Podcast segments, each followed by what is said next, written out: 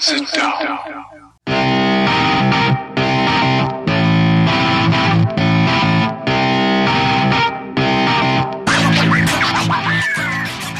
Witam wszystkich i każdego z osobna. Ja jestem Robert Kochan, a to jest Kochana NBA, najbardziej nieobiektywny podcast o najlepszej koszykarskiej lidze świata.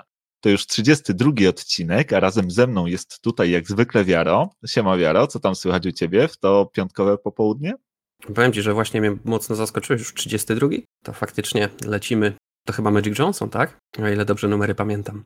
No to chyba też wyjątkowy odcinek w naszym wykonaniu. No okej. Okay. Myślisz, że będzie magiczny? Jak każdy.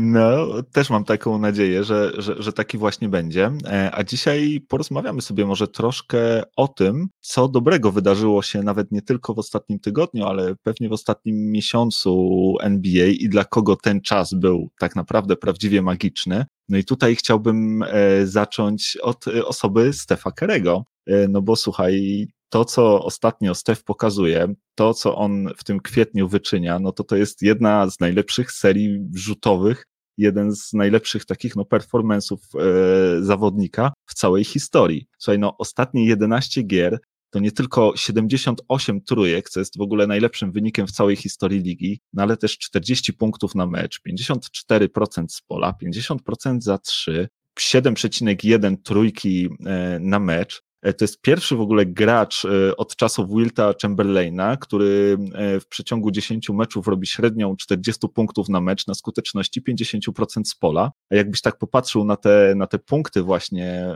w przeciągu tych ostatnich 11 gier, czyli, czyli w tym kwietniu, no to to wygląda po prostu niesamowicie. To jest, wiesz, 36, 37, 41, 32, 38, 53 przeciwko Nuggets zresztą, 42, 33, 47, 49, no i ten, e, ten ostatni występ już niezbyt udany, bo, bo tam tylko 18 punktów. W tym czasie Warriors poszli 6-3, przegrali, przegrali 3 mecze, z czego aż dwa z Wizards. Natomiast no, to, co Steph wyprawia, to się po prostu w głowie nie mieści. Powiedz mi, jak ty to wszystko widzisz, jak ty to ogarniesz i, i jak ci się podoba to, co, to, co Steph wyczynia?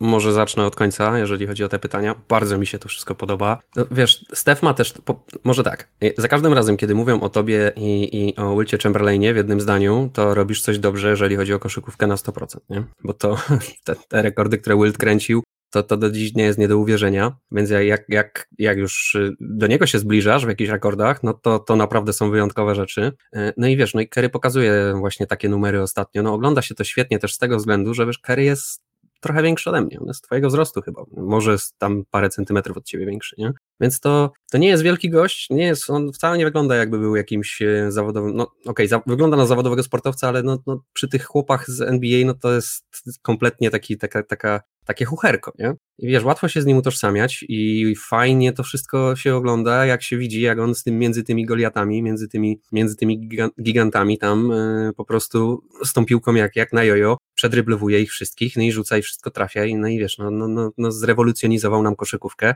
A Kerry, tak jak podobnie mówi, mówiłem o tym jakiś czas temu a propos Utah, nie? że są tacy zawodnicy, podobnie jak są takie drużyny, które mają ten potencjał do tego, że jak zacznie im siedzieć, to drżyjcie, nie? no po prostu dzieją się takie rzeczy. No wiesz, w NBA też oglądaliśmy już wiele strików i wiele dużo bardziej imponujących strików niż, niż y, ten strik Kerego, ale niekoniecznie w indywidualnym wydaniu, no bo Przypomnę Ci choćby to, że Miami kiedyś wygrało 33 mecze z rzędu z LeBronem, Dwaynem Wade'em i Chrisem Boszem i też się wszyscy zastanawialiśmy, czy ta drużyna w ogóle jest do zatrzymania, no ale no takie striki się zdarzają, szczególnie właśnie w, jeżeli drużyna jest tak skonstruowana, czy też gracz ma takie umiejętności, które, które im na to pozwalają. Natomiast no nie, nie, ni, nic to nie umniejsza jakby temu, co się dzieje i co się obserwuje i co mamy przyjemność oglądać. Myślę, że każdy fan koszykówki, jak widział chociaż jeden z tych meczy, w którym, w którym Kerry tak wybuchał, no to był pod ogromnym wrażeniem tego, z jaką lekkością ten gość po prostu gra w kosza, z jaką radością gra w kosza. On naprawdę gra tak jak wielu z nas jak, jak, jak kiedyś wychodziło na boisko, to miało swoje najlepsze mecze, to właśnie tak to wyglądało, że miałeś tam pełną radość z grania, że wiesz, że cieszyły cię te wszystkie zagrania, wszystko wychodziło. Każdemu z nas to się może zdarzyło parę razy w życiu,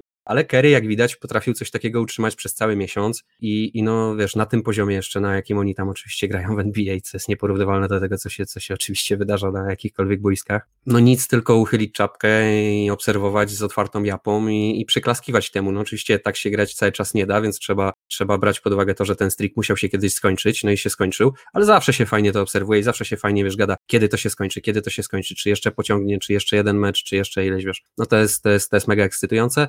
No plus, umówmy się, tak widowiskowej koszykówki ciężko szukać gdziekolwiek indziej. No mało kto w tych Warriors mu pomaga w tym, co się dzieje. Wszystko, cała obrona jest, można powiedzieć, rzucona na, te, na, na, tego biednego Kerego, a on i tak między nimi wszystkimi jakimś cudem te punkty zdobywa i to na całkiem przyzwoitych skutecznościach. No no, no cóż, cóż tu się rozwodzić? No majstersztyk w wykonaniu e, jednego z największych w historii NBA, a już na pewno najlepszego shootera, jakiego było nam dane obserwować w tej lidze. No chyba jego najlepszy miesiąc, chyba jego najlepsze, najlepsze cztery tygodnie na boisku.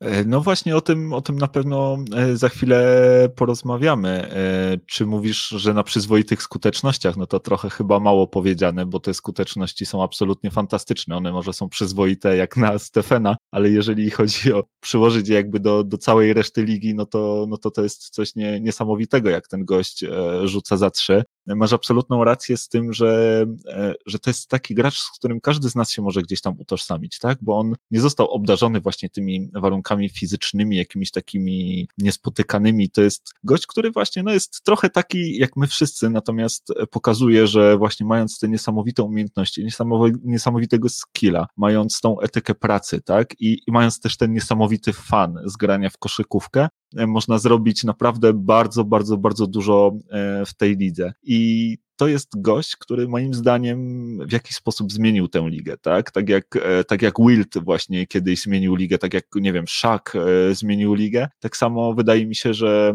e, że Stefan jest, jest tego typu gościem, który, który też tę ligę zmienił i trochę teraz każdy chce być jak Steph, trochę każdy guard chciałby być właśnie takim Stephenem Curry, który, który rzuca off the dribble, natomiast no, nikt nie jest taki jak on, nikt nie ma takiego release'u, nikt nie ma takich umiejętności właśnie grania off the dribble. Nikt nie potrafi tak wykorzystać tych małych okienek, które zostawiają obrońcy, e, żeby właśnie prześliznęła się tamtędy piłka i Steph jest po prostu w tym, no chyba najlepszy histo w historii i e, wydaje mi się, że właśnie jako jeden z najlepszych point guardów w historii e, zakończy e, swoją karierę kiedyś jak gdzieś usłyszałem e, w którymś e, podcaście, którego słuchałem, że nawet gdyby Stephen Curry przez najbliższe dwa lata spudłował 500 następnych e, rzutów za trzy punkty i po tych dwóch latach zakończył karierę, to i tak miałby lepszą skuteczność niż Ray Allen, który, który jest na tej liście trójek no też na, na, samym, na samym szczycie. Natomiast mnie bardziej rzuciła się w oczy inna statystyka, bo jakbyś popatrzył na e, liczbę gier w historii, gdzie gracze zdobywa, rzucali więcej niż 10 trójek na mecz, w całej historii NBA, to Steph Curry ma na swoim koncie 21 takich meczów, e, gdzie właśnie rzucał 10 plus trójek. Drugi na tej liście jest Clay Thompson, który miał 5 takich meczów. Trzeci na tej liście jest James Harden, który ma trzy takie mecze. Damian Lillard też ma trzy takie mecze. J.R. Smith też miał trzy takie mecze i Zach Lavin ma dwa takie mecze. Tak Steph Curry... tam na trzecim miejscu powinien być Steph Curry z czterema meczami w ostatnich ośmiu meczach chyba, nie? tak, słuchaj, Steph Curry ma sześć, e, sześć takich meczów samych w tym sezonie on w tym sezonie jest lepszy niż, niż cała liga w historii, tak? Reszta, reszta zawodników, wszystkich zawodników jakbyś zebrał, łącznie ma pięć takich meczów z 10 plus trójek, a Steph sam ma ich sześć w tym sezonie, nie? 21 w historii. To się, to się absolutnie e, w głowie nie mieści, e, co, co ten gość robi. No i właśnie, i pytanie, czy on będzie uznawany za takiego najlepszego, najbardziej kompletnego e, point guarda ever, kiedy już skończy tę, tę swoją karierę, czy, czy myślisz, że jednak no niekoniecznie? Mm, że, że będzie najlepszym point guardem w ogóle w historii NBA, tak?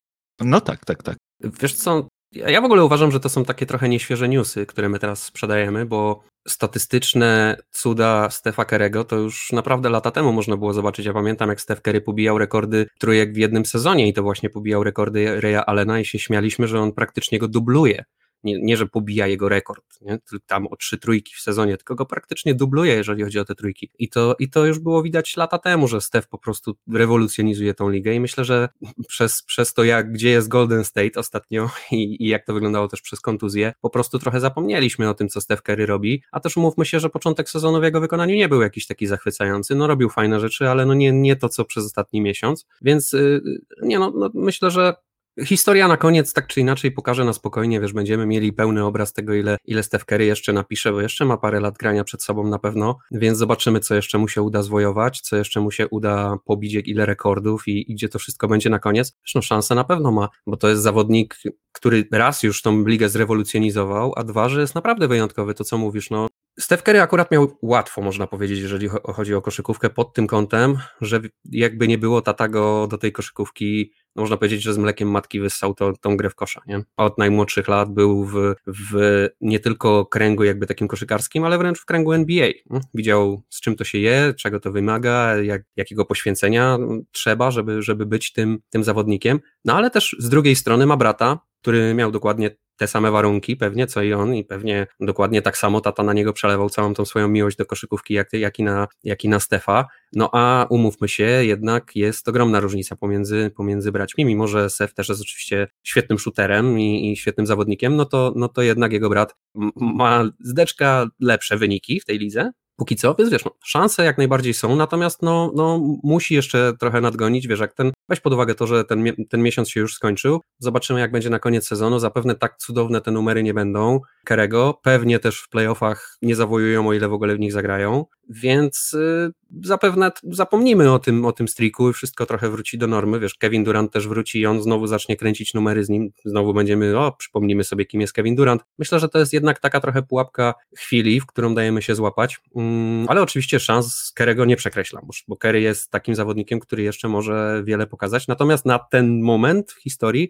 no to myślę, że można by się tutaj śmiało kłócić, że jednak byli, byli lepsi na tej pozycji niż on, no choćby Magic Johnson, nie? No pewnie, pewnie, wiesz, e, znalazłyby się pewnie osoby, które, które potrafiłyby dać argumenty zarówno na jedną, jak i, jak i na drugą e, osobę. Natomiast no ja się nie zgodzę z tym, że to takie nieświeże newsy, jak to nazwałeś, bo jednak ten sezon Stefa jest w jakiś sposób wyjątkowy również na tle e, jego poprzednich sezonów. I ja też e, Sezon tak sobie. Cały? Tak, oczywiście, że tak. Moim zdaniem przynajmniej tak, bo słuchaj, ja się tak e, zastanowiłem, bo kiedy usłyszałem ostatnio, fani wrócili, tak, do, do areny i zaczęły się MVP chants tak zwane, czyli, czyli po prostu krzyki przez fanów MVP, MVP, no ja też tak sobie właśnie sprawdziłem, bo nie wiem, czy pamiętasz, e, moja predykcja na początku sezonu była taka, że to właśnie e, Stephen Curry dostanie to MVP w tym sezonie. Nie? Ja właśnie myślałem, że no, tak Warriors będą grali tak jak, e, tak jak grają, natomiast, że Steph będzie, no, będzie grał tak jak grał. Nie przewidziałem może troszkę tego, że go, że go zabraknie przez kontuzję, może, może liczyłem, że jednak troszkę większe będzie miał wsparcie od reszty drużyny. I jakbyś tak sobie popatrzył na to, to, to te sezony, w których Stephen Curry zdobywał e, MVP, tak, bo, bo to są sezony 2014 i 2014, 2015 i 2015, 2016, to gdybyś sobie popatrzył na, na te sezony i porównał je sobie z tym sezonem, to, to one są e, niemal bliźniacze, tak, bo, bo jakby e, łącząc oba tamte sezony, Curry zdobywał wtedy 26,9 punktu na mecz, w tym sezonie zdobywa 31,1. Wtedy rzucał 50% z pola, w tym momencie, w tym sezonie rzuca 49% z pola. E, za 3 rzucał na skuteczności 45%, w tym sezonie rzuca na, na 43%, mając jakby dużo gorszy supporting cast, nie? A przypominam ci, że bodajże w tym 2015-2016 sezonie on był wybrany jednogłośnie MVP, a robi no dobrze, numery ale... statystyczne w zasadzie niemalże identyczne, nie? Ale nie dostał tego za statystyki. Nie dostał tego dlatego, że kręcił takie statystyki. Nie, nie, nie. Dostał to MVP za to, że Warriors byli taką drużyną, jaką byli tym sezonie wygrywali wszystko, łoili wszystkich jak leci, a Steph Curry był najlepszym zawodnikiem tej drużyny i akurat robił takie numery. Więc y, o tyle, o ile zgodzę się z tobą, to absolutnie nie zgodzę się z tym, że Curry teraz na przykład zasługuje na MVP bardziej niż zasługiwał w tamtych sezonach. No nie, no teraz to, to te jego statystyki się nie przekładają na wygrywanie zbyt, zbytnio. Kręci fajne statystyki, ale wiesz, to jest tak jakby rozmawiać o, o Kevinie Lowie jeszcze sprzed lat w Minnesocie w konwersacji o MVP. On przecież też kręcił takie staty, że ludziom szczeny opadały tam po, po 20 chyba 7 punktów punktów, 15 zbiórek. No ale przecież to są tylko statystyki. W, w drużynie, w której jest Steph Curry i niewiele więcej, no to czego byś się spodziewał, że będzie inaczej? No przecież ktoś, te, przecież Steph Curry, no to jest taki zawodnik, który będzie zdobywał te punkty, jak jeszcze ma więcej rzutów, bo nie, piłką nie ma sensu się dzielić, bo jak się podzielisz tą piłką, to jest albo strata z tego, albo pudło, no to wiesz, no, no, no nie ma się tutaj co dziwić. Nie, tu akurat bym się nie zgodził z tym, że to, no, czy owszem, statystycznie jak najbardziej gra lepszy sezon, ale nie jest to dla mnie argument za tym, że, że to jest dla niego lepszy sezon, czy, czy równie dobry sezon jak tamte sezony, które, które wtedy grał. No jednak wtedy Warriors wygrywali wszystko, a grał też z lepszym supporting castem, więc wiesz, piłką się zdecydowanie częściej dzielił i miał mniej tych szans na zdobywanie punktów, a wcale ich nie zdobywał wiele mniej, jak, jak mówisz, prawie że bliźniacze sezony. Nie? Nie, tutaj żeby nie było, też nie twierdzę, że albo że Steph zasługuje w tym sezonie na MVP, albo że tam gra lepsze sezony. Chciałem tylko pokazać, że to są niemalże bliźniacze sezony co do, e, co do tych, w których właśnie zdobywał tytuł MVP. Wiadomo, że, że w tym sezonie no, nie dostanie tego MVP ze względu na to, że no Warriors są, tak? E, grają, grają słabo, grają fatalnie, grają poniżej oczekiwań, jednak nawet, e, nawet wszystkich, łącznie, Pełna zgoda. Łącznie ze mną, więc, e, więc no umówmy się, gdyby e, Warriors byli teraz na trzecim, czwartym miejscu na zachodzie i Steph robiłby takie numery, to byłby mm, moim zdaniem bardzo solidnym kandydatem i jednym z głównych faworytów do wygrania MVP ale, ale właśnie przy, przy takiej liczbie wygranych, przy takim, no oni mają losing record teraz, są 29-30, no to, no to, no sorry, ale to, to możesz, e, mógłby robić tych punktów i 10 więcej i, i tak by tego MVP nie dostał, nie? No, a wiesz, no też jakby nie było, nadrabia, ten miesiąc miał magiczny, kosmiczny i ten miesiąc mu też nadrabia te statystyki. No, no poprzednie miesiące nie były takie różowe w jego wykonaniu, nie? więc też e, no złapał po prostu, złapał wiatr w żagle w tym miesiącu wybitnie. Wszystko mu się działo, wszystko mu wychodziło. Jakby tak grał cały sezon, no to, to powiem ci, że zapewne trzeba by mu dać to, to MVP, bo zapewne Warriors wtedy byliby, tak jak mówisz, w czołówce gdzieś na zachodzie i, no i nie mielibyśmy nic do gadania, nie? No ale to tylko jeden miesiąc w jego wykonaniu. No pewnie, pewnie, pewnie. Mnie też e, bardzo śmieszy to, bo nie wiem, czy kojarzysz, bodajże to było pewnie jakiś rok temu, może, może troszkę mniej, może troszkę więcej, kiedy Steve Kerr, e, trener Stefana Kerego, śmiał się z e, Houston Rockets i, i, i, ze sposobu, jaki grają i, i w jaki sposób wykorzystywany jest tam James Harden, że, że właśnie ta piłka cały czas trafia do niego, że, że to Chyba wiem, do czego chcesz nawiązać. większość, no troszkę, troszkę bida zajrzała w oczy Golden State, no i ta gra, no nie mówię, że ona jest identyczna, że, że Steph Curry gra dokładnie tak samo jak, jak James Harden, ale jednak no myślę, że pewne podobieństwa można dostrzec i no co ty o tym myślisz w ogóle? myślę, że więcej tych podobieństw jest niż Steph Curry chciałby przyznać w tym momencie, także myślę, że to jest akurat strzał w dziesiątkę. No, e, no, no tak to właśnie jest. Nie? Łatwo się mówi z pewnych e, pozycji, a później jak rzeczywistość zagląda przez drzwi, no to czasem trzeba zweryfikować swoje poglądy. E, gdyby ktoś chciał jeszcze szukać takich argumentów na korzyść Stefa i, i, tego, że on jednak gdzieś tam może zasługiwać na, na przynajmniej bycie w tej konwersacji, jeżeli chodzi o MVP, to ja też znalazłem taką ciekawą statystykę, że e, Stef jest pierwszy, jeżeli chodzi o trójki trafione w tym sezonie, ale jest 145, jeżeli chodzi o liczbę gier zagranych w tym sezonie, więc, więc tutaj bardzo ładnie pokazana dysproporcja, nie? Pierwszy no. w trafionych trójkach, 145, jeżeli chodzi o, o liczbę gier. Na pewno e, Steph uważa, że, że on tym MVP powinien zostać. No wiadomo, każdy, każdy zawodnik e, NBA jest pewny siebie i stawia na siebie. No i właśnie Steph też e, zapytany właśnie o to, czy, czy w tym sezonie powinien być MVP, odpowiedział, że no oczywiście, prawdopodobnie tego nie dostanę, no ale whatever. No ale, ale tak że było. właśnie I mean, I mean, I gotta be. E, więc, e, więc Steph zdecydowanie uważa, że na to MVP zasługuje, no ale z drugiej strony, jak masz w zespole takich kolegów jak, e, jak Andrew Wiggins, tak, który zresztą chyba wydaje mi się trafi w przyszłym tygodniu do, do, do Shakti na full po tym, co zrobił, nie wiem, czy widziałeś ten jego fantastyczny dribbling, fantastyczny wód, gdzie totalnie zgubił gościa, tutaj wiesz, piłeczka za plecami i kiedy gość już znajdował się trzy metry od niego, Wiggins zrzucił z czystej pozycji i rzucił airbola, więc no po prostu no, absolutny, absolutny wstyd. E, no i z takimi z takimi graczami nie masz szans myśleć o, o tytule MVP, tak? No bo oni cię nie wywindują, e, zwłaszcza na zachodzie, w tą górną część tabeli. Być może gdyby Golden State Warriors grało na wschodzie, to tam mieliby szansę na, na czwarte miejsce, które, które teraz okupują Nixi, o których potem porozmawiamy. E, natomiast no, na zachodzie to, to nie bardzo, nie bardzo. Natomiast wydaje mi się, że mimo to żadna z tych drużyn, które są e, w tej czwórce do turnieju play-in na zachodzie, nie chciałaby trafić w swoim pierwszym meczu na Golden State Warriors, bo, bo właśnie wystarczy fantastyczny mecz Stefa i, i może się okazać, że żegnasz się z marzeniami o playoffach. Ja no w ogóle myślę, że jakby playoffy całe się rozgrywały w formacie jednego meczu, to nikt by nie chciał z Warriors grać. Bo to, to, to co mówisz, no Steph wybuchnie i masz po meczu, nie? No i co zrobisz?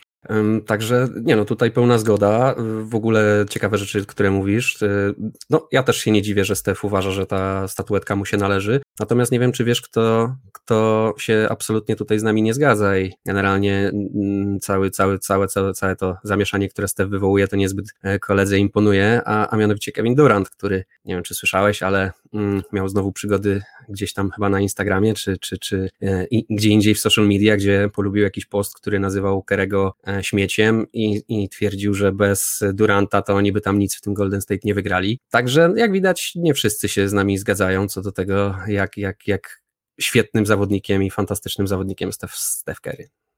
Słuchaj, e, samochwała w kącie stała razem z Skyrim e, i no wiemy, wiemy jaki jest Kevin Durant, wiemy, że no on nie powinien zbyt dużo czasu spędzać przy swoim telefonie. Myślę, że powinien dużo więcej spacerów zażywać, e, świeżego powietrza e, i, tak, i troszkę no, dać, dać, dać, sobie spokój z social mediami, no bo, no bo nie do końca je umie. Mm, tak przynajmniej mi się wydaje. No on tak, on się, on wiesz, on podkreśla tą, tą, tą swoją wolność, tak, I, i manifestuje ją e, dosyć znacząco właśnie głównie, głównie w social mediach, natomiast no często przynajmniej z mojego punktu widzenia, e, kończy się to e, niesmakiem. Natomiast takim razie ja przytoczę ci dwie inne osoby, które z kolei z Kevinem Durantem by się nie, nie zgodziły, bo jedną z tych osób jest e, Steven A. Smith, który, który ostatnio powiedział, że uważa, że, że to jest e, najlepsza wersja Stefa Kerego, to co widzimy w tym sezonie. Najlepsza, jaką, jaką w ogóle mogliśmy kiedykolwiek dostrzec w całej jego karierze. On uważa, że to jest właśnie najlepszy, najlepszy sezon Stefa, Stefa Kerego. Ja akurat tam ze Stevenem A. się jakoś często nie zgadzam, ale, ale tutaj no, może, może, może rzeczywiście e, mieć, e, mieć e, trochę racji. A, ja, się zgodzę, ja się zgodzę, że to jest na pewno najlepszy miesiąc w jego wykonaniu i to jak, jakby faktycznie cały sezon grał tak jak ten miesiąc, to bez dwóch zdań, ale chyba grał lepsze sezony, tak mi się wydaje. No to też jest, e, też jest taki fair, fair argument. E, natomiast też drugą wypowiedzią, którą ci chciałem przytoczyć, ona nie będzie obiektywna, bo, bo to jest znowu postać e, trenera Steve'a Kera, jak, któremu już po tym, co, co wcześniej przytoczyliśmy, nie wiem na ile, na ile możemy mu ufać. Natomiast no jest to trener, który miał bardzo bogatą i, i długoletnią karierę i grał z fantastycznymi zawodnikami przeciwko fantastycznym zawodnikom. No i właśnie Steve Kerr wypowiedział się w takim tonie, że on widział właśnie w, w trakcie swojej kariery e, niesamowite e, wyczyny strzeleckie Kobiego Bryanta, no i takie, takie właśnie serie meczów, w których no, Kobi no, wariował, tak, jeżeli chodzi o, o, o te zdobywane przez siebie punkty i seriami całymi i, i, i rzuty oddawane. No i oczywiście też wspomniał o, o Michaelu Jordanie, który też miał właśnie takie, takie fantastyczne e, serie, które no, wyglądały jak, jak szalone, no ale według Kera nikt w całej historii tej gry nie, nie rzuca piłki tak właśnie dobrze jak Steph i z taką łatwością. I w tym sezonie, nawet jak na jego własne standardy, to Steph przekracza je po prostu i, i wychodzi ponad siebie i no jest najlepszą, najlepszą wersją siebie również e, według jego trenera. No tak jak mówisz, ja myślę, że Steve'owi Kerrowi możemy tutaj ufać jak najbardziej, tylko po prostu musimy patrzeć przez pryzmat tego, że on się wypowiada jako trener Golden State Warriors i po prostu ma, ma też interes w tym, żeby się wypowiadać w ten czy inny sposób. Natomiast oczywiście, jeżeli chodzi o Stefa Kerego, no to tutaj to ciężko też o, o, wiesz, przyczepiać się, że to jest jakaś nieobiektywna wypowiedź na jego temat. No, ja też jestem zdania tego, że w dzisiejszych czasach mm, sportowcy w tym właśnie wieku, w którym jest Steph Curry, wchodzą na, na optimum swoich możliwości, jeżeli są jeszcze zdrowi przez, przez, przez kilka sezonów i mogą to, mogą to zdrowie jakoś podtrzymywać, a Kerry takich poważnych kontuzji, no to za dużo nie miał, też umówmy się, że ta kontuzja w zeszłym roku to już też była taka, że a, Kerry się, choćby się lekko skontuzjował, to już go wyłączmy, po co on ma, wiesz, po co się ma męczyć, już zeszły sezon i tak był skazany na straty w Golden State, Także ja się nie dziwię, ja się nie dziwię i ja myślę, że mm, najlepsze przed Stephen Kerrym jeszcze i, i, i to, co najlepsze w jego koszykówce jeszcze zobaczymy w przyszłym sezonie. Myślę, że jeżeli oczywiście będzie zdrowy i Clay Thompson wróci,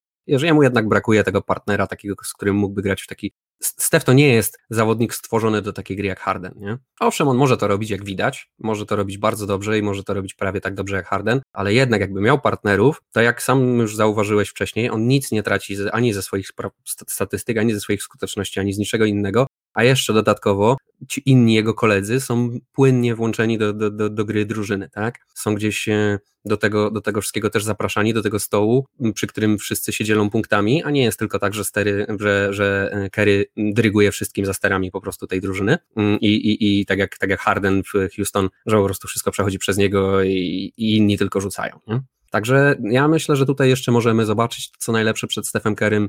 Trzymajmy kciuki tylko, żeby był zdrowy.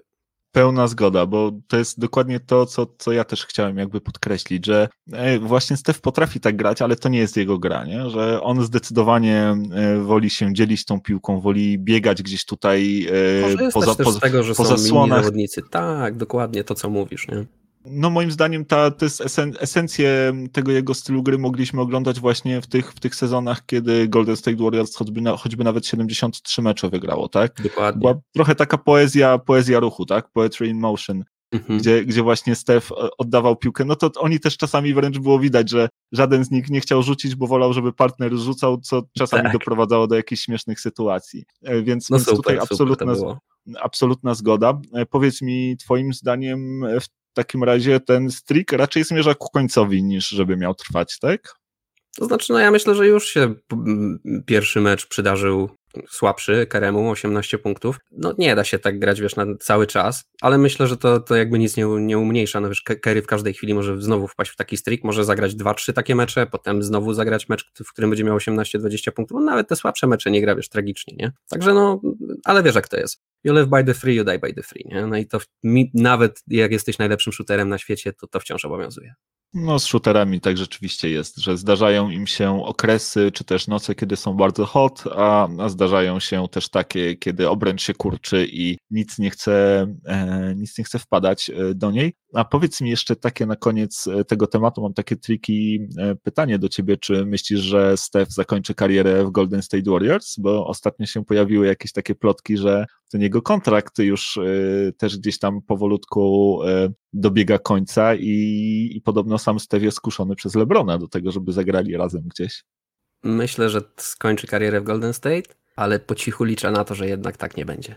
Bo chciałbym zobaczyć Stefa z innymi kolegami niż tylko Clay Thompson, a i Claya bym chciał zobaczyć z innymi kolegami, więc no pewnie tata Kleja też by go chciał zobaczyć z innymi kolegami, bo ostatnio wrzucił na, na Instagrama e, zdjęcie małego Kleja w koszulce Lakers i z podpisem, no, że bardzo się starał, żeby, żeby tam właśnie jego syn trafił, no ale, ale Golden State Warriors go uprzedzili i, i, i, i zawłaszczyli e, mu syna i, i nic z tego chyba nie będzie, ale sam... Co zrobić? Sam wpis bardzo zabawny. Dobrze, słuchaj, zostawmy w takim razie Stefa. Ja życzę mu, żeby, żeby ten jego miodowy miesiąc e, trwał jak najdłużej i, i nawet do końca sezonu. Liga jest lepsza zdecydowanie, kiedy, kiedy Stef gra dobrze. E, ale jak e, mówi LeBron James, liga jest lepsza też, gdy Nixi są dobrzy i, grze, i gdy grają dobrze. No i właśnie Nixi są dla mnie przynajmniej takim drugim chyba największym bohaterem tego ostatniego miesiąca. E, ostatnie 8 meczów e, w ich wykonaniu to, to 8 wygranych. To jest najdłuższy aktywny streak zwycięstw w lidze. Jakbyś mi powiedział przed sezonem, że Nixi wygrają 8 meczów z rzędu, to, to nie wiem, przestałbym się z tobą kolegować, bo bym stwierdził, że mi tutaj jakieś brednie opowiadasz i, i, i dyrdy mały i w ogóle chcesz mnie oszukać na pewno na coś, na coś strasznego. Natomiast no, rzeczywiście wygrali te 8 meczów z rzędu. E, piastują teraz czwarte miejsce na zachodzie, znaczy na wschodzie, przepraszam i powiedz mi w ogóle, co ty, co ty o tych Nixach myślisz? Czy, czy oni tak e, naprawdę są? Czy to jest w ogóle jakaś anomalia? Czy to, czy to zaraz tryśnie, pryśnie i się skończy? Jak to z nimi jest, twoim zdaniem? To Pozwól, że y, ja zrobię troszeczkę inaczej i y, opowiem Ci bajkę. Opowiem Ci bajkę o, now o Nowym Jorku. Mamy rok 2003. W Nowym Jorku kończy się era Ewinga, kończy się era 14 playoffów pod rząd, zaczyna się nowa era. Nowa era, gdzie stery obejmuje Isaiah Thomas, gdzie na stanowisko trenera zatrudnia Lenego Wilkinsa, który jest jednym z na ówczesne lata najlepszych trenerów w NBA, dzisiejszym Hall of Famerem. E, w późniejszym czasie zastępuje go Larry Brown, którego też chyba nikomu nie trzeba przedstawiać. I w pierwszym swoim sezonie za sterami Nowego Jorku Nixi zajmują siódme miejsce na wschodzie, mają bilans 39-43, awansują do PO i dostają Bęcki 4-0 on Nets, po czym następują cztery sezony bez playoffów i następuje nowa era.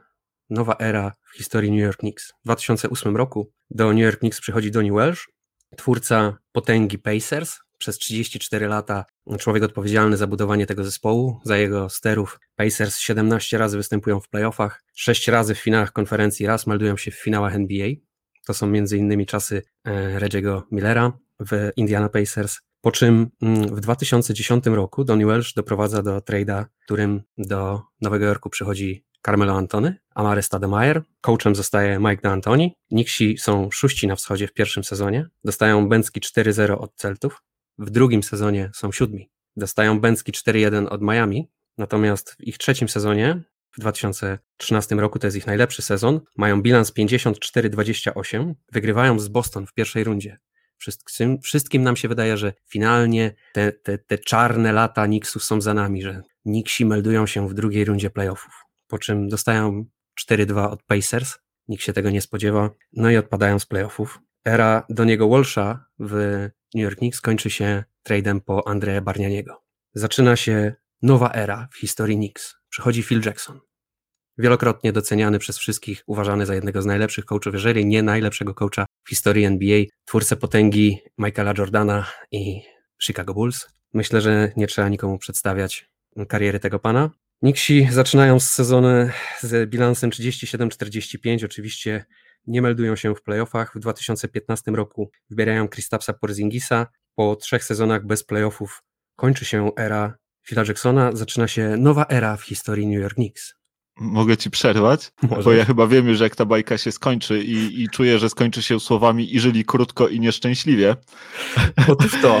E, słuchaj, Miaro, e, no słuchaj, tak, e, absolutnie to, co wszystko mówisz, jest prawdą jest, jest to prawdą i, i tak rzeczywiście e, było i, i rzeczywiście Nixi od 100 e, lat są, są pośmiewiskiem ligi rzeczywiście wiele, e, wiele jest hypu wokół nich i łatwo jest budować takie właśnie przekonanie, że a tu właśnie Nixi mm, mają, wiesz, no, no, nowa era, tak, i tak dalej, i tak dalej. E, natomiast, no to troszkę, troszkę nie zmienia tego, co, co widzimy w dzisiejszym, w, w tym sezonie, tak, I, i, i tego, jak grają, bo raz, jest to, jest to młoda ekipa, co do której nikt nie miał żadnych złudzeń, że, że tak będą grać. Dwa, że nie wydaje mi się, żeby ktokolwiek tutaj mówił, że to jest drużyna, która ma prawo marzyć o czymkolwiek w tym sezonie i czy, czy nawet w przyszłych sezonach e, z tym składem, że nikt tutaj o zdrowych ja już tam zmysłach... o Williamsonie słucham.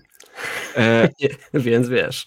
O, słuchaj, o tym, o, o, tym, o tym e, pewnie też porozmawiamy e, o przyszłości. Natomiast e, no, no nie wydaje mi się, żeby ktoś teraz patrząc na, na ten skład e, mógł myśleć, że, że Knicksi z takim składem będą w stanie zawojować coś, czy to w tym sezonie, czy, czy w przyszłych sezonach. Natomiast biorąc pod uwagę to, co pewnie i ty, i ja myśleliśmy na początku sezonu o Knicksach i patrząc na to, jak grają, tak, jak ci młodzi zawodnicy, no, którzy siłą rzeczy u, u, u Tipsa też grają bardzo dużo minut, jak się pięknie rozwijają, tak, jak przechodzą po prostu na, na kolejne poziomy, jak ta drużyna jest e, niewygodnym przeciwnikiem niemal dla każdego, z kim się mierzy. I przypadkiem ośmiu wygranych nie da się e, zrobić, a mm, nikt się tak naprawdę no, nie wydaje się, żeby mieli jakąś gwiazdę w swojej drużynie. Jedną z nich trochę sobie stworzyli, tak? Bo, bo w tym sezonie Julius Randle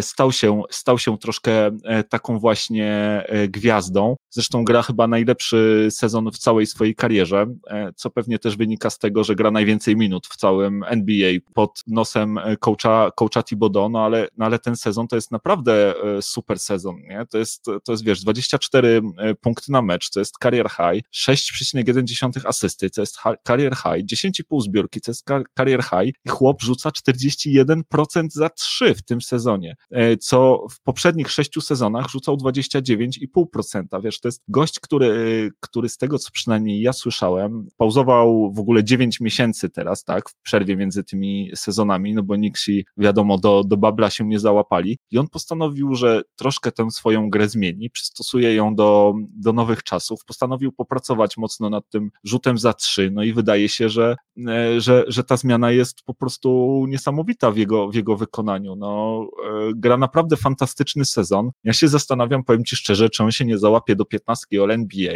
pewnie nie do pierwszej piątki, ale, ale może do drugiej albo do trzeciej i czy nie dostanie e, tytułu Most Improved Player of the Year, bo, no bo to, co on pokazuje w tym sezonie, no słuchaj, w ciągu tych wygranych ośmiu ostatnich meczów, on notował statystyki punktowe takie jak 15, 26, 34, 32, 44, 33, 16 i 40. No to to są, wiesz, naprawdę solidne, solidne numery i, i Julius gra super i, i całe Knicks po prostu przyjemnie się ogląda. Ja, ja nie twierdzę, że oni mm, nagle się zmienili, że nagle stali się, wiesz, Knicksami, kontenderami, czy, czy coś w tym stylu, tak? Natomiast patrząc na nich, patrzę na nich z przyjemnością i z przyjemnością obserwuję ich grę i z przyjemnością obserwuję grę Juliusa Randla.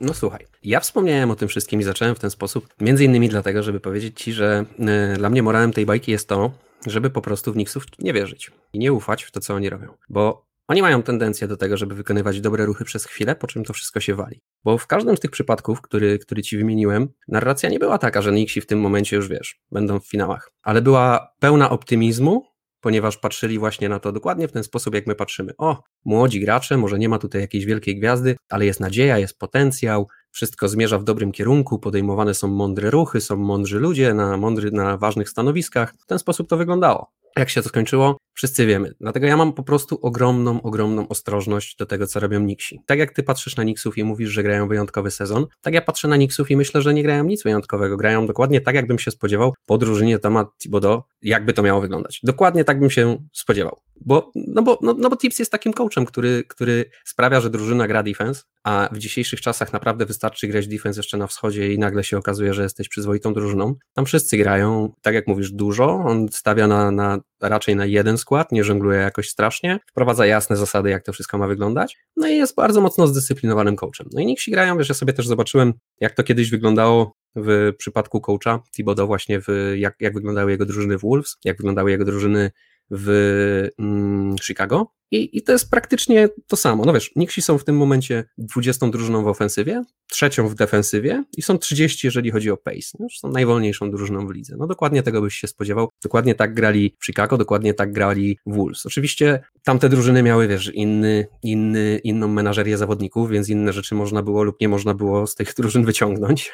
Natomiast tutaj, jak widać, jak, jak dostanie mm, pracusiów, którzy biegają, faktycznie wykonują to wszystko, mają serducho do grania, no to jest w stanie poskładać z tego fajną, koherentną drużynę. No ale prawda jest taka, że oprócz Juliusa Randla, który faktycznie gra wyjątkowy sezon, aczkolwiek, tak jak mówisz, oprócz tego, że on lepiej rzuca trójki yy, i no generalnie wszystkiego robi trochę więcej, no ale też umówmy się, cała ofensywa drużyny jest w tym momencie na niego rzucona, no każdy zawodnik na tym skorzysta, e, statystycznie rzecz ujmując. Ale najważniejsze jest tak czy inaczej to, co mówisz, że oni wygrywają. Natomiast jak patrzysz na tą drużynę, no to kto tam widzisz, że ma jakiś jeszcze wielki potencjał na przyszłość w tej drużynie, oprócz RJ'a Barreta i, i ewentualnie Juliusa Randla?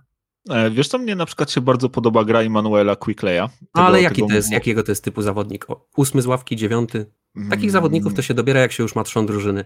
Nie no, wiesz, y, oczywiście, że Nixi nie mają jako takiego trzonu drużyny. Oni mi troszkę, powiem ci, przypominają y, drużynę Nets sprzed kilku sezonów, kiedy Nets się starali odbudowywać i też tam przyjmowali do siebie zawodników niekoniecznie chcianych czy lubianych w innych zespołach. Do tego dokładali jakimś tam właśnie mądrym y, draftem fajnych, fajnych grajków, którzy potrafią grać zarówno w ataku, jak i w obronie i zaczęli być takim fajnym środowiskiem, że nagle zaczęli przyciągać do siebie właśnie wolnych agentów, nie? I... No, wiesz, to się wydarzyło raz, bo przyszedł Kyrie, Durant i, i, i Harden. No i umówmy się, że w tym tak naprawdę też dużo, bardzo duża zasługa ich, a to, że padło akurat na Nets, wiesz, no myślę, że jakoś nikt z nich nie przejawia jakiegoś wielkiego sentymentu do tej drużyny Nets.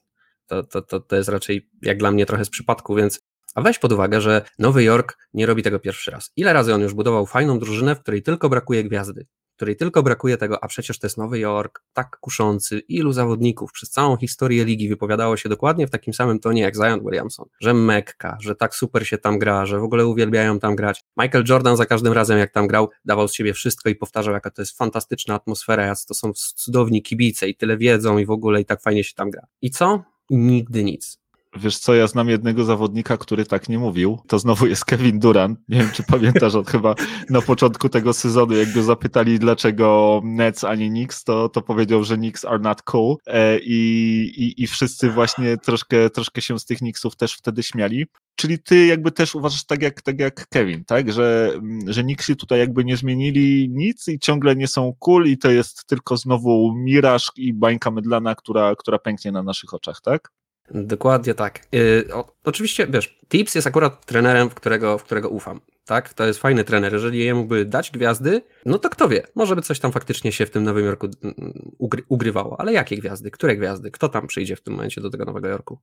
E, no właśnie, no właśnie to jest, e, to jest ciekawe, czy ktoś przyjdzie, czy nie i, i co Nixi powinni zrobić. Na pewno e, staną przed decyzją, co zrobić z Juliusem Randlem, bo Julius Randle ma w przyszłym sezonie ostatni rok swojego kontraktu, co jest y, zresztą ciekawe, z tego kontraktu ma tylko 4 miliony dolarów gwarantowane. Tak się jakby nikt nie spodziewał tego, że, że, że Julius tak y, wybuchnie aż i będzie grał taką świetną i przede wszystkim wygrywającą y, koszykówkę, że nawet nie ma zagwarantowanej pełnej kasy z tego 20-milionowego kontraktu na przyszły sezon, Natomiast właśnie Nixi e, stoją troszkę przed taką decyzją. Co zrobić z tym Juliusem Randlem? Czy on ma szansę być ich pierwszą opcją w ataku? Czy być najlepszym zawodnikiem w drużynie? Czy może powinien być drugim albo trzecim? Jeżeli drugim albo trzecim, to skąd e, wziąć e, tę właśnie pierwszą, pierwszą gwiazdę, pierwszego formatu? No i właśnie, czy, czy oni mogą być w ogóle teraz, czy stali się znowu sexy, czy mogą być taką fajną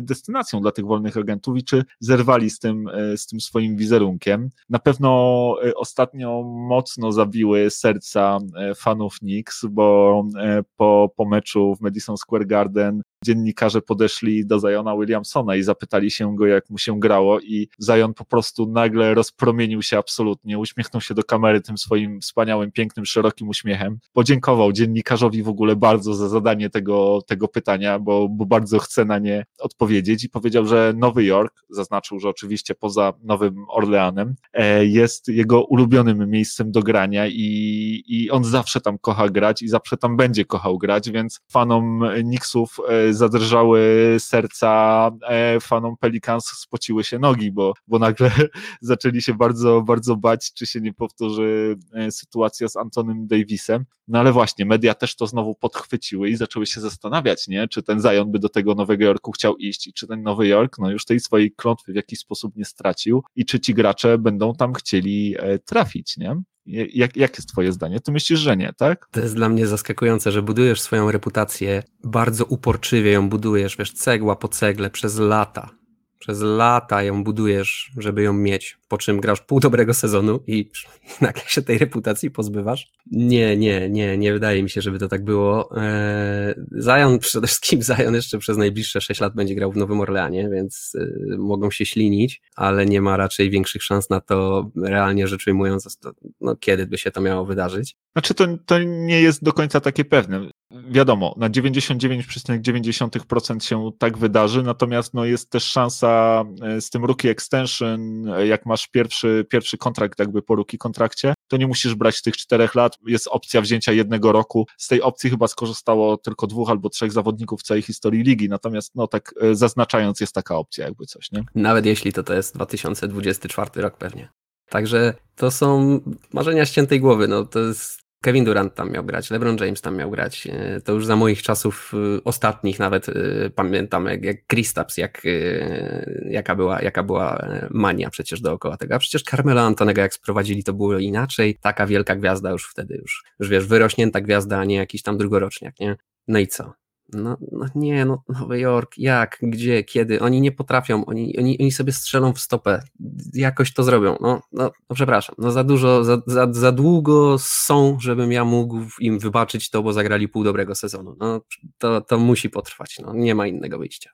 Ja z jednej strony absolutnie się z tobą zgadzam, bo wiesz, jak to się mówi, Binder Dandet, już widziałem właśnie Nixów, e, wokół których powstawał hype i widziałem te ich spektakularne upadki, ale z drugiej strony mam wrażenie, że jednak e, te ich ostatnie ruchy są odrobinę inne, bo e, bo wydaje mi się, że oni zaczynają się w końcu troszkę mądrze budować, zwłaszcza, zwłaszcza budować od, od front office'u do drużyny, tak, w ten sposób. Tam to są bardzo, bardzo mądre Mówię ruchy. Ci, jak, jak Donego Welsha sprowadzali, to Donny Welsh był uznawany, jak miał, miał reputację pokroju Jerego Westa. 34 lata w Indianie był i wybudował im całą tą potęgę, wszystkie te sukcesy Indiany im wybudował. I, i przyszedł i cała ta reputacja w łeb, wzięła w łeb po paru latach w Nowym Jorku. E, słuchaj, ja kumam to, co mówisz, tak? I nie mówię, e, nie mówię, że tym razem będzie inaczej. Natomiast e, jeśli miałbym oceniać te ruchy pod kątem tego, czy to były dobre ruchy, czy, czy złe ruchy, tak? Czy obsadzenie takich osób na tym stanowisku tak, jest, jest mądre, to? czy nie, tak. to uważam, że to, jest, że to jest mądre, co robią, tak? tak Podobnie jeżeli chodzi o, o, o wybór coacha, tak? Też, też, też uważam, że, że zatrudnienie e, Tomati Bodo było naprawdę dobrym ruchem, więc wydaje mi się, że te ruchy póki co oni robią naprawdę dobre. Wiadomo, to się może skończyć spektakularną klęską, ale póki co oni robią wszystko przynajmniej, żeby tej klęski e, uniknąć. Też e, James Dolan się coraz mniej wtrąca w, tą, w tę tak, drużynę. To, który raz to słyszymy wiesz, wiadomo, który raz to słyszymy, wszystko Philowi się może Jacksonowi zmienić. podobno oddał całkowicie wszystkie stery i się wycofał całkowicie z podejmowania jakichkolwiek decyzji. Oczywiście, natomiast ja mogę też powiedzieć fakty takie, że nie widziałem ostatnio i nie słyszałem specjalnie Jamesa Dolana w mediach i nie słyszałem, żeby się w tę drużynę wtrącał, tak? Więc jakby wiadomo, e, możemy to wszystko odnosić do przeszłości, że w przeszłości już tak było i, i to się źle skończyło. Natomiast jakby e, bazując na tym, co, co gdzieś jest teraz i jak to wygląda na, na, na teraźniejszy moment, e, no to, no to właśnie mam wrażenie, że, że tutaj przynajmniej starają się wszystko e, robić dobrze. E, ja też chciałem tutaj dwa słowa powiedzieć o RJ'u Barecie, bo, bo też chciałem go docenić, wiesz, bo, bo mam wrażenie, że wiadomo, to jest głupota mówić, że, e, że gracz młody w swoim drugim sezonie się rozwija i gra lepiej, tak? No bo to jest raczej, jeżeli nie, nie bierzemy pod uwagę, nie wiem, Antonego Beneta, to to jest raczej standard, że, że, że ci gracze grają lepiej. Natomiast no ten RJ Barrett rzeczywiście zrobił taki krok do przodu i słuchaj, no on e, jakby popatrzeć od 1 stycznia, czyli, czyli w tym roku, e, no to on rzuca 40% e, za 3, w ogóle zmienił podobno sposób rzucania. Ja widziałem taki wywiad z jego trenerem rzutowym, który właśnie mówił, opowiadał o tym, jak to, jak to pracował z RJ-em i że to nie jest takie do końca łatwe, bo RJ jest leworęczny, więc tutaj trzeba było troszkę złamać takie podręcznikowe zasady rzucania, bo zwykle się mówi, że ten rzut przy, przy formie formie rzutowej, ten łokieć w, tym, e, w tej formie rzutowej, on powinien iść bardziej do wewnątrz. Oni tutaj właśnie pracowali nad tym, żeby e, ten łokieć wyprowadzić na zewnątrz, bo on, bo on podobno RJ-owi gdzieś tam przeszkadzał, zasłaniał mu e, widok na kosz. Też pracowali właśnie nad jego posturą rzut, rzutową, nad tym, żeby jego ramiona gdzieś tam do przodu bardziej, bardziej wyprowadzać przy tym rzucie. No i okazuje się, że to, że to zaczyna działać. RJ Barrett rzuca coraz lepiej. On nie miał e, fascynującego startu. Wszyscy się zastanawiali, czy to będzie jakiś taki wielki, wielki bust, e, czy nie. Natomiast e, no, gra coraz lepiej, rzuca coraz lepiej i te prognozy się wydają całkiem niezłe. No, tak jak mówisz, no wszystko się może w każdej chwili w Knicksach zawalić, tak? Może się okazać, że oni tego RJ'a Beretta zaraz wytradują za jakieś pół gwiazdy, w którą będą wierzyli i, i która totalnie się im nie sprawdzi, RJ Barrett rozkwitnie w innym zespole. Natomiast, no wiesz, dopóki, dopóki dopóki gdzieś tam to się nie zdarzy, to, to i oceniając to, co się dzieje jakby teraz, to, to moim zdaniem te ruchy i, i, i ten sposób działania Nix, no naprawdę to jest taki no wręcz modelowy bym powiedział i, i wygląda na to, że, że to idzie w miarę w dobrą stronę. Wiesz co, modelowy, no modelowy w jakim, w jakim sensie, że że, że, że dajesz swoim młodym graczom szansę do tego, żeby się rozwinęli, pilnujesz, żeby, żeby trenowali i zatrudniasz im mądrego coacha. No, każda drużyna w NBA tak robi. To nie jest dla mnie, wiesz, to mądre ruchy, głupie ruchy, to, to łatwo się tak mówi. Dopóki nie pójdą jakieś faktyczne trady, w których, w których będziemy mogli takie rzeczy, wiesz, gdzieś tam ocenić, no to co tu mówić, wiesz, o jakichś dobrych albo głupich ruchach. No, Orlando zapewne też robi mądre ruchy, a jakoś nie mają tych sukcesów, jakoś im się to wszystko tam nie, nie wiedzie, wiesz, nie ma chemii. No, mnóstwo różnych drobnych czynników, które, które niekoniecznie tutaj są jakąś wielką zasługą moim zdaniem Knicksów. Ale zapytam cię jeszcze tak, z ciekawości. Wytradowałbyś w tym momencie Juliusa Randla za Jimmy'ego Butlera 1 do 1? Nie wiem, nie wiem, nie wiem. Musiałbym się nad tym zastanowić. Natomiast chciałbym Ci tylko powiedzieć, że ja najbardziej się boję właśnie takiego scenariusza, e, kiedy Nixi e, nagle uwierzą, że, że to już jest ten czas, e, że, że to jest czas na, na wygrywanie, na pójście all-in i, i właśnie zaczną robić jakieś takie dziwne e, trady i, i ściągać do siebie zawodników. Moim zdaniem nie powinni zupełnie tak robić, powinni się uzbroić w cierpliwość, powinni zacząć budować tę swoją drużynę od podstaw, powinni postawić na silne fundamenty, na mądrą organizację też salary capu i wiesz, oni nie muszą aż tak mocno tradeować, bo oni są w jednym z najlepszych destynacji, jeżeli chodzi o NBA, tak? W jednym z największych rynków i są też historyczną franczyzą, która trochę czeka na swojego wybawcę i niewykluczone, że, no wiesz, teraz się Kevin Durant Skyrim wypieli, ale niewykluczone, że być może za dwa, być może za trzy, być może za cztery lata znajdzie się um, taka gwiazda, która zechce do Nowego Jorku przyjść i jeżeli tam będą właśnie takie solidne podstawy, jeżeli tam wszystko będzie będzie poukładane, to, to też ułatwi to e, tego typu gwieździe decyzje, więc wydaje mi się, że najgorsze, co Nixi mogą zrobić, to już jakby uwierzyć w swoją wielkość i już chcieć, wiesz, się nachapać teraz, szybko, już zaraz, już w następnym sezonie e, bić się o finały. To jest moim zdaniem najgorsze, co mogą zrobić, a czy bym wytradował, no wiesz, moim zdaniem Jimmy Butler jest lepszym zawodnikiem niż e, Julius Randle, tak ogólnie, ale w tym sezonie Julius Randle gra chyba troszkę lepiej. E, nie pamiętam, jaka jest długość kontraktu Jimmy'ego Butlera, ile on tam jeszcze ma e, podpisanych Nie, już nie, nie pod kątem kontraktowym, tak stricte pod kątem zawodnika.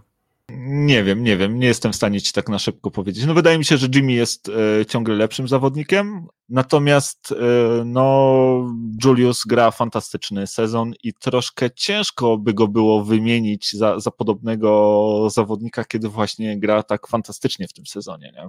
No powiem Ci tak, ja widzę bardzo prosty, czarny scenariusz, w którym nie trzeba jakichś wielkich tutaj cudnych yy, trade'ów robić ani nic, po prostu Julius Randle na koniec tego sezonu dostaje duży kontrakt od Knicksów i przestaje grać tak jak grał w tym sezonie. I, to, wiesz, no chłop też jakby nie było, zagrał 7 sezonów, które mówią o tym, że gra tak i pół sezonu, który mówi o tym, że gra tak. No, możesz wierzyć w to pół sezonu, może tak jest. A może zauważył, że to już ostatni sezon jego kontraktu i że jak się nie weźmie do roboty, wiesz, może to wynika z szansy, może to wynika z innych rzeczy. No jest bardzo dużo czynników, które idą w takie, w takie coś, więc y, ciężko mi y, tak, tak optymistycznie patrzeć na Knicksów, biorąc pod uwagę ich historię. No i ja to, ja to skwituję tak, jak mówi stare y, angielskie przysłowie fool me once, shame on me. No ja już się dałem raz zrobić przynajmniej Nixom i dopóki mi nie udowodnią, że teraz to już na poważnie się zmienili, to, to nie dam się w ten hype. No rozumiem, rozumiem. E, ja się cieszę. E, oglądając Nixów mam przyjemność właśnie z patrzenia na nich w tym sezonie. Gra się, znaczy ogląda się ich naprawdę fajnie. Grają twardą e, koszykówkę. Tak jak mówię, nie boją się podjąć rękawice przeciwko każdej drużynie, jaka, jaka przed nimi staje i każdy się musi solidnie namęczyć, żeby, żeby ich puknąć, więc ogląda się to naprawdę fajnie. Nie mam jakby wielkich złudzeń, jeżeli chodzi tutaj o o, jakieś ich szanse, czy, czy w tym, czy, czy w przyszłym sezonie. Uważam właśnie, że powinni się budować i e, dojść ewentualnie do tej, do tej swojej wielkości e, krok po kroku. Mało jest drużyn w NBA, które mogą e, robić sobie drogi na skróty i, i moim zdaniem Nowy Jork, właśnie nauczony swoimi wcześniejszymi doświadczeniami, nie powinien tego typu praktyk próbować. Natomiast e, może zostawmy już ten Nowy Jork i e, co prawda tego czasu nie mamy już za dużo, natomiast e, tutaj chciałbym, chciałbym dwa słowa może zamienić, no bo Antony Davis wrócił w końcu do Lakersów po dwóch miesiącach, wypadł ze składu Lakers w walentynki i, i, i właśnie wrócił, e, zagrał swój pierwszy mecz, e, zresztą przegrany przeciwko Dallas. I niezbyt chyba się e, ten jego powrót udał, trochę zardzewiały chyba Antony Davis, co myślisz?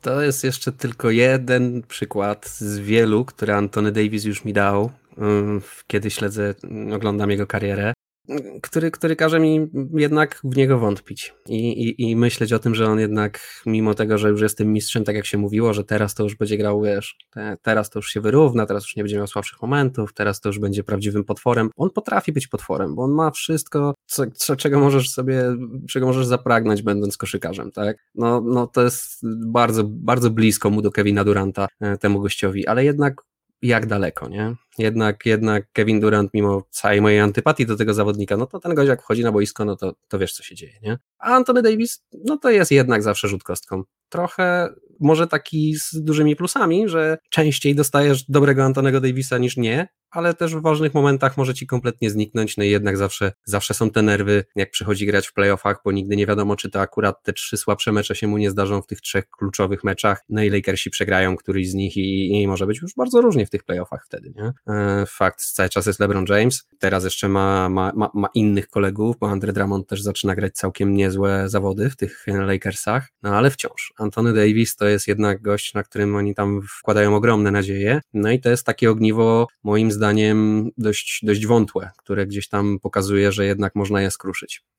No widzisz, ja, ja z kolei myślę, że to jest po prostu tylko i wyłącznie zwykła rdza i że te dwa miesiące niegrania e, po prostu się odbiły, że nie tak łatwo jest e, wejść z powrotem do drużyny i, i być od razu w świetnej, znakomitej formie i myślę, że w takiej e, świetnej, znakomitej formie Antonego Davisa jeszcze zobaczymy. Czy on może być najlepszym graczem twojej drużyny, jeżeli marzysz o, o tych najwyższych celach? Ja mam tutaj spore wątpliwości pewnie podobnie jak ty, no widzieliśmy to już e, w Nowym Orleanie, ale jeżeli LeBron James wróci do składu, to Anthony Davis wydaje się być tutaj jakby znakomitym jego e, uzupełnieniem i nie zdziwiłbym się, gdyby w tym sezonie na przykład Anthony Davis został Finals MVP. Więc e, wydaje mi się, że to, to na razie tak rdza, że tutaj jakby się wszystko zmieni i że jeszcze zobaczymy w tym sezonie najlepszą wersję Antonego Davisa. A no to wiesz, ja się jak najbardziej zgadzam, że może tak być. Natomiast y, dla mnie to nie jest tylko rdza. Mnie się ja widziałem, ja widzę jak on gra, ja widzę, że po prostu brakuje mu czegoś. Brakuje mu jakiegoś czegoś takiego i to mentalnie głównie. No, jakieś, jakiegoś, no, ciężko mi wyjaśnić czego, nie? Jakiegoś takiego po prostu pędu do tego, żeby wygrać mecz. Co do, co do tych braków mentalnych, to akurat się w pełni zgadzam, bo uważam, że on tak, e, ten, z tym jego sposobem patrzenia na świat też to nie, może nie wszystko jest e, aż tak e, super. Zresztą też e, błysnął, e, kiedy zaraz przed meczem, e, to nawet mi wysłałeś, tak, cytat z niego, gdzie, gdzie mówił, że już jest na 100%, 100% gotowy do, tak. tak, w 100% zdrowy, w 100% gotowy do gry i jazda na 100%. No i okazało się, że, że, że, że to była jazda na 0%, bo tak, rzeczywiście 4 punkty, 2 z 10, no ale 0% za 3, 0 z 2 i 0% e, na linii rzutów wolnych, też 0 e, z 2, więc e, no, te, te, te, te 100%, e, no na to na pewno trzeba jeszcze będzie poczekać. Całe szczęście e, Lakersi są najlepszą defensywą ligi i to sprawia, że ciągle są tam, gdzie są. E, dobra, słuchaj, dziękuję Ci bardzo w takim razie za, za kolejny e, fajny odcinek. Bardzo miło mi się dzisiaj z Tobą gadało, zresztą jak zwykle i Wam też bardzo dziękujemy, jeżeli dotrwaliście do tego momentu. Oczywiście, jeżeli chcielibyście nas o coś zapytać, chcielibyście dać nam znać w jakiejś sprawie, no to możecie to zrobić w każdej chwili na kontakt małpka.kochananba.pl albo uderzyć do nas bezpośrednio na Facebooku. Czekamy na Wasze opinie, czekamy na Wasze wiadomości, piszcie do nas e, w każdej sprawie, a my dziękujemy Wam za, za tę wspólnie spędzoną godzinę, no i zapraszamy na kolejny 33 odcinek już za tydzień. Nic dodać, nic ująć. Dzięki piękne, trzymajcie się ciepło. Cześć. Trzymajcie się, pa.